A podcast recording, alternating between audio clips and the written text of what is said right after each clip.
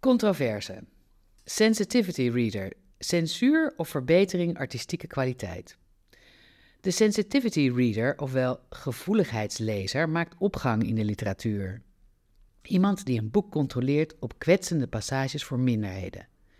Voor de Spaanse auteur Carmen Domingo betekent dit politiek correcte censuur.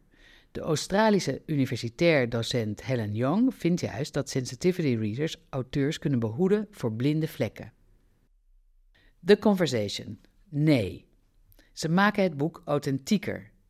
Tegenwoordig is er steeds meer bewustzijn over de manier waarop minderheden worden gerepresenteerd, ook in de literaire wereld, schrijft universitair docent communicatiewetenschappen Helen Young in een opiniebijdrage op The Conversation. Daarom, aldus Jong, wordt er nu routinematig een sensitivity reader, oftewel een gevoeligheidslezer, ingezet als de auteur schrijft over culturen die buiten zijn of haar belevingswereld liggen. Een roman met een transgender inheems personage wordt dan eerst gelezen door een transgender inheemse persoon enzovoort.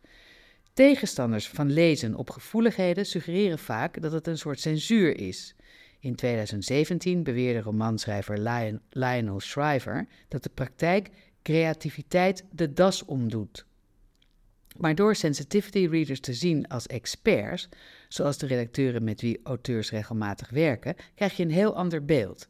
Volgens Jong dragen gevoeligheidslezers bij aan de artistieke kwaliteit van een werk door details te ontdekken die niet kloppen en door scenario en verhaallijnen te herkennen die, om wat voor reden dan ook, iemand uit hun eigen gemeenschap nooit zouden overkomen.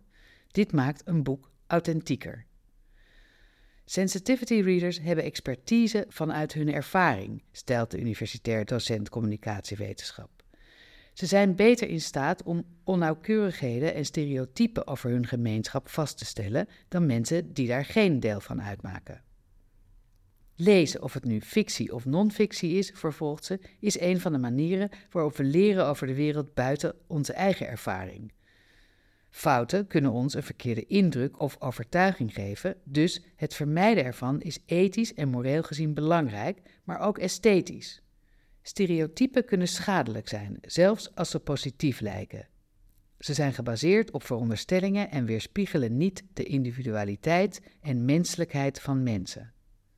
Young vergelijkt de sensitivity reader met een historicus die is ingeschakeld om advies te geven over een historische roman.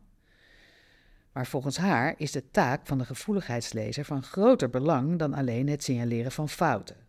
Een 13e eeuws harnas in een film die zich afspeelt in de 15e eeuw kan geen kwaad, maar een stereotype of anderszins onnauwkeurige weergave van een gemarginaliseerde groep wel. Ze concludeert Sensitivity readers kunnen niet garanderen dat een boek, film of game geen slechte representatie bevat of dat het niet wordt bekritiseerd. Ze kunnen wel een belangrijk onderdeel zijn van het verbeteren van diversiteit en inclusie, maar alleen als auteurs en uitgevers waarde hechten aan hun inzichten, hun tijd en hun welzijn. Ja, het is progressieve censuur. In een opiniestuk in El País vergelijkt de Spaanse auteur Carmen Domingo de sensitivity reader met de sensor uit de tijd van de dictatuur van Franco. We hebben de sensor van vroeger geüpdate naar een progressievere versie. De franquistische sensor was niets anders dan de sensitivity reader van het fascisme. Domingo is dan ook niet van mening dat de sensitivity readers bijdragen aan de literaire kwaliteit van het boek. De realiteit is dat het er uiteindelijk om gaat meer exemplaren te verkopen. Het draait altijd om geld. Een commerciële theorie is dat als je iemand beledigt, je een grote markt aanspreekt. Literaire kwaliteit is al lang verleden tijd. Wat telt is de hoeveelheid geld die de boeken oplevert, al dus Domingo, die recent een boek over cancelcultuur heeft geschreven, Cancelado. De gevoeligheidspolitie, geloof me, doet niets anders dan literaire creativiteit en spontaniteit belemmeren, stelt Domingo, die veel vragen heeft over het fenomeen. Wordt een roman er beter van als je politiek correct bent? Hoe komen ze op het idee dat het voorkomen van racisme in een roman een excuus is voor racisme? Kan het inperken van de vrijheid van auteurs door censuur uiteindelijk een goed literair product opleveren? Zijn onbeschaamdheid en rebellie niet de manier om de kunst vooruit te helpen? Zijn we niet meer bezig met niemand kwetsen en geld verdienen dan met provoceren? De Britse auteur Rebecca Abrams deelt de mening van Domingo.